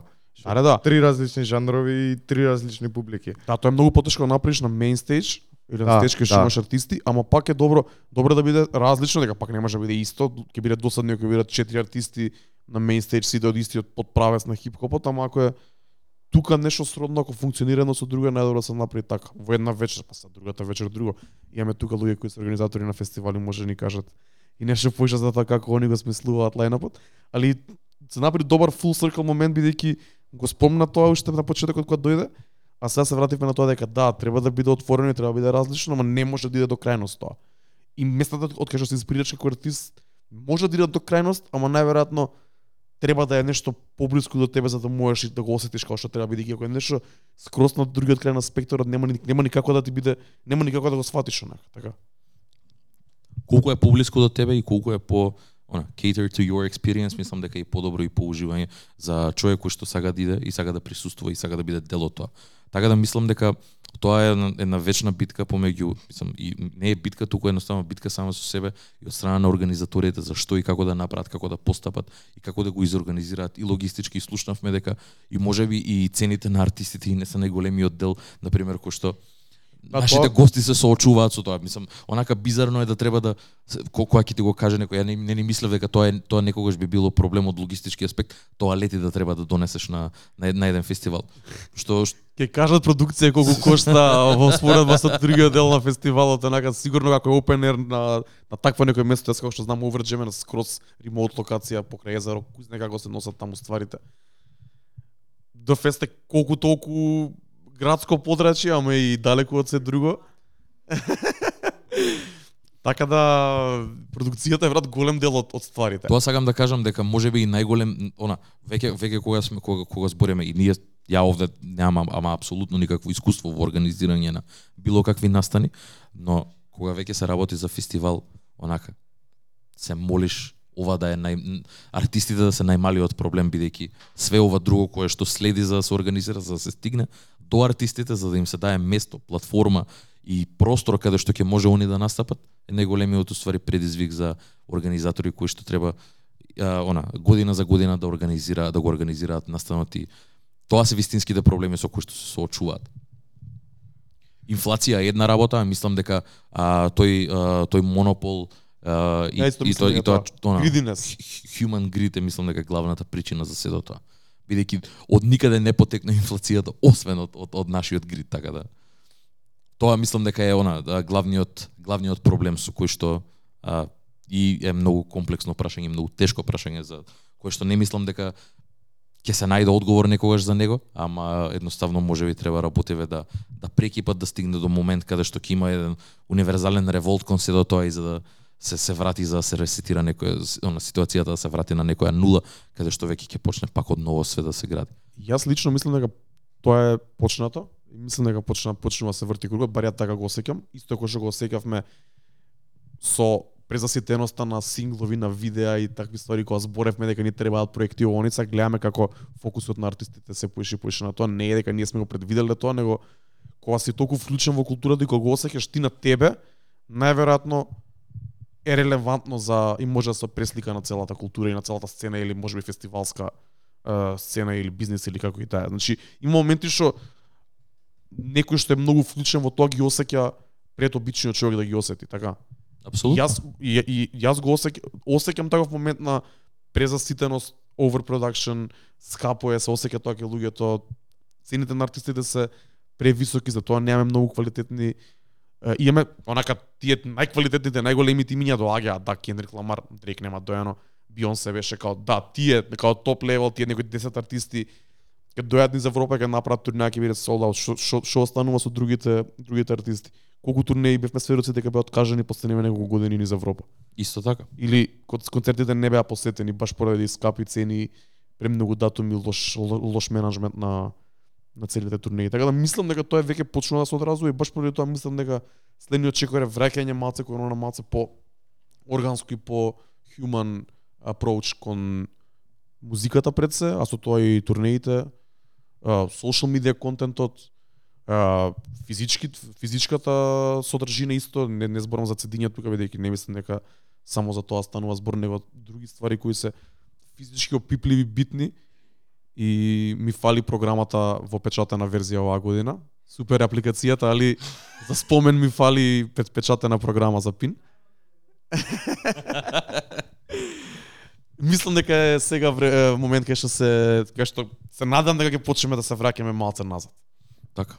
А, согласувам со, со све тоа што каже и мислам дека сме веќе на, на, на тој типинг поинт каде што а, го гледаме тоа и се надам дека ќе, да и го осеќам и мислам дека ќе биде се побрзо ќе ќе се убрза сето тоа и нема да биде бидејќи последниве 2-3 години беше така и мислам дека окей корона да го имаше својот ефект.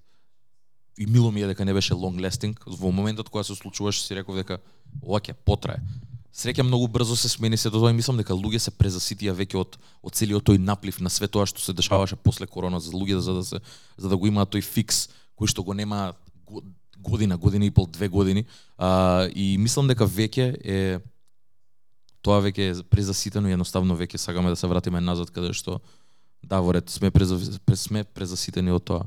Сакаме да се вратиме назад кон тоа органското, кон тоа што највише нас ни е мене ми е најблиску. И мислам дека тоа е следниот чегор и мислам дека луѓето треба да поише и поише тоа да го сакаат и едноставно да покажуваат револт кон кон све што е обратно. Бидејќи ние можеби сме далеку од овек, Македонија како земја, далеку сме од од скалпери, далеку сме од Live Nation, далеку сме се уште и не знам не знам дали сум благодарен на тоа или не, ама мо, мо, сме, да, дефинитивно. А, ама а, го, го осеќаме тоа и мислам дека ете, мене искрено не ми е тоа добро искуство, посебно кога ќе идеме некаде и кога ќе И најчесто кога сме заедно и она коментираме и за логистички аспект за како свето изгледа, како е презентирано на луѓето, што им даваш на луѓето и за целото искуство, не е само да отидеме за 45 саат време музика да слушаме уживо, туку едноставно за целото искуство. А, и мислам дека фестивали пред се, а, баш и тоа го зборевме дека е многу победно онака да биде едно цело културно културолошко искуство, а не само музика. И мислам дека тоа е то- тоа што ќе го оддели од од било што друго и мислам дека и артистите треба да да да бидат склони кон тоа, него ли само да дојдат 50 минути да го да го направат својот својот дел и да се заменат да не учествуваат никако на друг начин. Знаеш што се случува поради големите цени на артистите, па сега фестивалите се повеќе и повеќе се вртат кон оваа другава страна, бидејќи таа и чини помалци е полесно да се направи и е некојаш и поинтересна за луѓето, бидејќи артистот како артист, посебно за тие големите што не се замараат, кога доаѓа на турнеја 30 дена, 25 шоуа, доаѓа го рока своето 50 минути, тоа е тоа сите. А луѓето се таму 3 дена, патували уште ден за растина ден ке патуваат да свират, као нив име од петте дена тој еден саат, значи можеш да се успиеш да го пропуштиш, може да се напиеш да го пропуштиш, може да ти биде лошо или да се да си на друго место да го пропуштиш, ма стојаш као целото као као гостин целото фестивалско искуство е многу побитно од тој еден настап. До, до, до, до таа крајност кај што и да отидам за Кендрик, ако три дена си проаѓам добро и на некој таму стејдж сум кај што некој диџеј пушта музика што ми се свиѓа моментот, сум као брат факи тука сум боле ми е боле ми е тука ќе го гледам Кендрик некоја седна прилика. Тоа е. А, немам уште разгледано за годинава какви све фестивали има. Знам дека Примавера извади веќе лајнап за 2024 е многу интересен, многу е шарен, многу е а, она поразличен него или тоа и мислам дека на пример а, преби еден таков фестивал, пошто гледав лани што се случуваше и каков беше пристапот кон организацијата на фестивалот и што све, све се случуваше. И веќе на пример мислам дека го надминав тој хајп за да идам и да го посетам Rolling Cloud. Е, Може би првата 100%. прв, првата година кога се деси онака бев исто така као ме, ме удри тоа тој тој хајп и реков окей тоа е тоа ќе ги видам сите We артисти believe во the hype. Ама не, мис, мислам дека го купуваш, нормално е тоа да го купиш, ама многу набрзо сватив дека не е тоа, тоа и одма направивме буквално моментот кога ни рекоа ја откажа на концертов, се гледаме следна година, прво нешто што направив само побарав рефанд и тоа беше тоа. Не, не, не, не, не ни размислив за следна година да учествувам пак бидејќи сватив колку е ова неоргански и колку е само изфорсирано сите да ги собереме на едно место и да не добиеш ништо, освен да ги гледаш 45 минути артисти. Без волја. Истиот рецепт Без за, направено. истиот рецепт три дена претходно Afro Nation. Као Истото врска беше. нема брат. Истото. Врска А, нема. а, а е музика која што е многу, многу, многу базирана на тој на, на, на, на, на, на таа топлина, на таа, на таа блискост помеѓу артисти и Тоа што спомнам ја, да. да, на, на, да, на таа конекција помеѓу луѓе. на, то, на тој момент на правење на средина каде што музиката ќе може да се прими многу поубаво. Тоа многу убаво го, имаше кажано и многу ми мило дека Overjam пробува да го направи тоа. Значи правење на целото искуство за ти како човек кога да доеш да се осеќаш таму добро за да можеш музиката уште боле да ја примиш у тебе. Искрено од Муабетов, не дека сум некој фан, не сум фан на реге музика. Ја поштојам, ја почитувам, ја сакам, не сум фан, не ја слушам, не, не сум дел од таа култура. Ама од Муабетов, од тоа што го направив и од тоа дека они се репрезент за фестивалот кој што го организираат, сакам да идам и да го посетам и да го искусам тоа. И да јадам jerk chicken, нормално. Ќе му го побарам рецептот да ни го даде везна. Да видиме што може да направиме. Прво со тоа што го имаме ние, па после Дефинитивно. следно ниво е да го правиме сами. Дефинитивно. Добри сме? Мислам дека сме добри, а, мислам дека направивме добар муабет и направивме добар пресек и на тоа што највише нас не интересираше, а, бидејќи онака са, сабај, сабајле бев на, на, еден, на еден панел, а, имаше добар муабет, се збореше за Евровизија, и за а, Balkan Vision и After Effects кои се, а, но тоа е малце далеко збореа, но битни луѓе реално збореа, Констракта и Бојан кој што е она лид, а, главниот човек на Joker Out и правевме да се направи многу добар муабет, но тоа следното кога ти доаѓа и кога заедно влеговме а, на вториот панел беше нешто кое што многу ме ме капитивираше бидејќи беше многу интересен муабет и се направија многу добри муабети и онака имаше и добар момент на на конфронтација и на различни мислења, на различни school of thoughts каде што се збореше за за многу поразлични пристапи кон организација кон она и како ги толерираме и артистите и, и за, за, за и, и сите агенти кои што го користат се во ова и тој грид, она и таа корпоративност која што се случува во музиката. И имаше две страни каде што онака има луѓе кои што се онака homegrown, каде што имаат фестивали кои што се тотал, то, она, а, тотално а, индепендент и луѓе кои што соработуваат со такви големи со, со такви големи она куки корпорации кои што а, на еден начин според мене мислам дека си проблемот со а, со тоа што кој се сочува светот моментално. А, така да пак голема благодарност на Пин која што ни укажа шанса пак да бидеме втора годинава, а, да го искусиме ова, да бидеме делот, а, да, да, да можеме да ги искусиме да направиме муавет со многу различни луѓе, да се упознаеме со многу различни луѓе, да видиме исти луѓе од лани кои што ги упознавме. Здраво, здраво Алек. А, и пак да бидеме дел, дел, дел од ова а, три дена, ја искрено заради работни обврски денес само можев да учествувам на се во ова.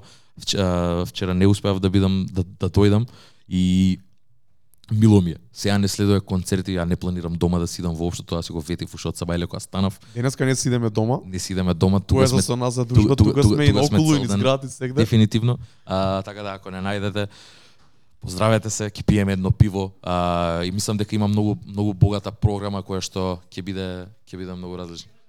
Ајде. Ајде, доаѓа, доаѓа. Ние имавме предвидено саат и пол, али Нела дозволува уште малце, ако иде муабетот, а многу добро ни тргна муабетот уште од Види со стейдж менаџерот. Да, не можев да издржам прав. Ајде, упогува малце. Не можев да издржам да не се уклучам. Не ве слушав од скроз од почеток, ве фатив негде на пола. Ама сакав чисто онака да се уклучам од пошто сум три дена овдека, три дена гледам што се случува, три дена гледам колку толку панели, колку толку кој се е присутен, кој се не е присутен. Вие зборевте генерално, мислам, го пратам подкастот, го следам, генерално сте за хип-хоп култура и други жанрови, као афро, бла бла бла, да не должам. Ама од моја гледна точка, од моја страна, имам да кажам дека супер жанрови, све окей, све тоа стои, пуштам све. Ама од друга страна, као бизнис гледано и индустријски гледано, мислам дека има некои универзални правила. И мислам дека сакам чисто да апелирам онака до сите македонски изведувачи. Мене ми е многу драго и многу сум среќна дека има многу Ух, се изморив. многу нови многу нови, Без многу трема. Не, немам трема се изморив. многу нови деца, многу нови артисти на сценава од било кој жанр, сите, мислам, од сите жанрови поединечно што прават своја музика, што сакаат да да ја представат, сакаат да идат по фестивали, сакаат да имаат настапи и све тоа. Ама од друга страна гледам уште многу луѓе што се неинформирани за сите ствари како функционира, што како се дешава. Точно. Даре беше на менторинг сесија. Се надам добро си помина. Фала ти за тоа. Фала што ми предложи да бидам таму. Таму имавме шанса и пак да збориме со Арек. Тоа беше многу добра многу добра дешавка, сакав и да збориме за тоа, добро што го спомна. Поделени луѓе по тројца во група, имаше четири маси распоредени со експерти од различни полиња. И по 15 минути ние сите тро- тројцата како група по 15 минути имавме шанса да седнеме на секоја маса и да збориме за различни теми кои ни интересираат, да прашаме, да ги прашаме луѓето кои се експерти за а, а, digital distribution, social media промоција, стриминг сервиси, из, издавање на музика и и слично и тоа беше многу добро искуство и од една страна ми е криво што не видов може и поише македонски артисти, од друга страна затоа Шаро до дојдов. Допкуќата кои се цело Да. време тука Шаро до Јанко кои репрезентира Допкуќата и македонски македонската сцена, хип-хоп, алтернативна сцена што и да е као стварно една од групите кои се блиску до нас, кои се сродни со тоа ние што го правиме, а е активна на Пин оваа година и шараут до нив. Затоа и најмногу дојдов, пошто ја не видов многу македонски артисти на тоа, а на крајот од денот издаваштвото е до негде исто и дали си ти регија, дали си хип-хоп, дали си пак треба да ги знаеш тие правила. Букингот за да отидеш нега на фестивал, да се представиш негде на фестивал, да бидеш букинг агент е до негде пак исто. Нема врска дали си хип-хоп, нема врска дали си а, рокер, панкер, било што. И тоа тука е моментот каде што се учи тоа.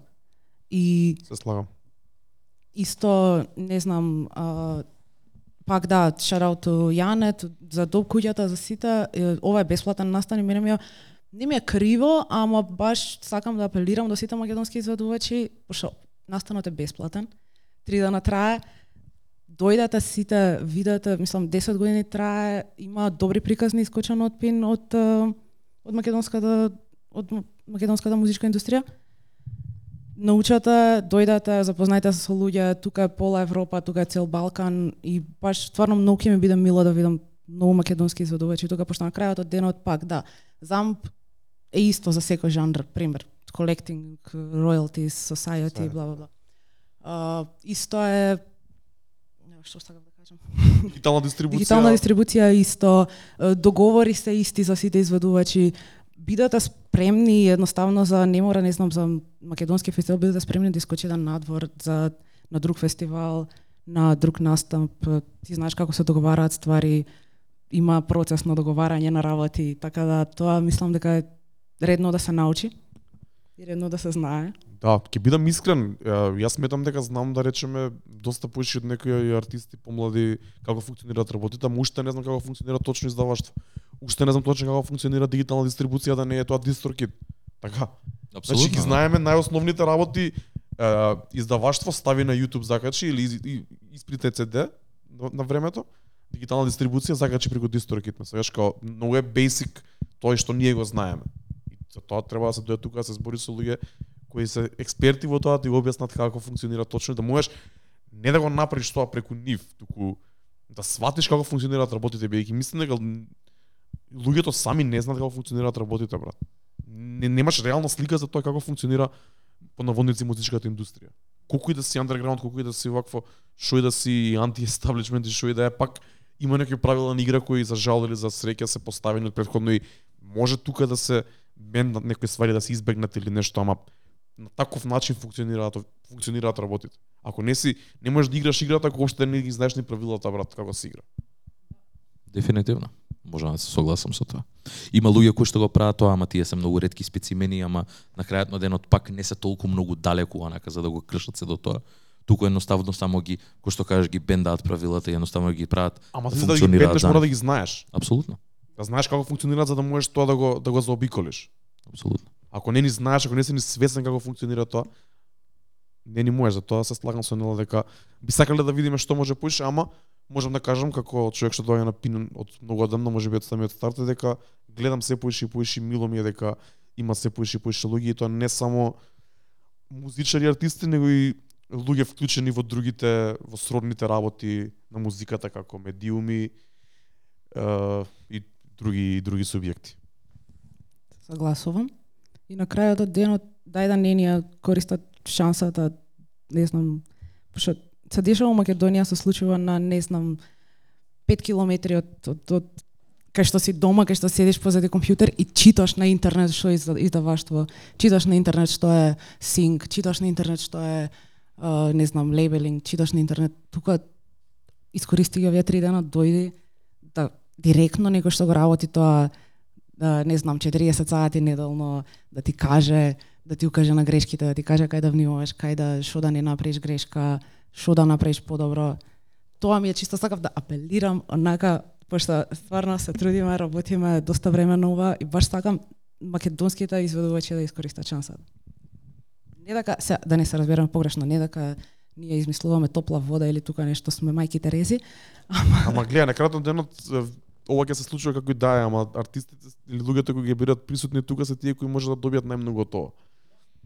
Тоа е тоа е убавото. Јас за тоа и доаѓам бидејќи може би полото овие работи не ни ги правам и на менторинг сесијата вчера јас им кажав у старт дека јас за сам себе ова ова знаење не ми треба за сам себе. Јас го сакам како прво да сакам да научам како функционира и како второ да можам да го пренесам на некој мој пријател што или соработник што не бил таму присутен па да му кажам нешто што сум научил или да истражам нешто повеќе сам, али повеќе од љубопитност го направив тоа вчера и фала ти уште еднаш што ме што ме стави у групата бидејќи стварно беше поучно.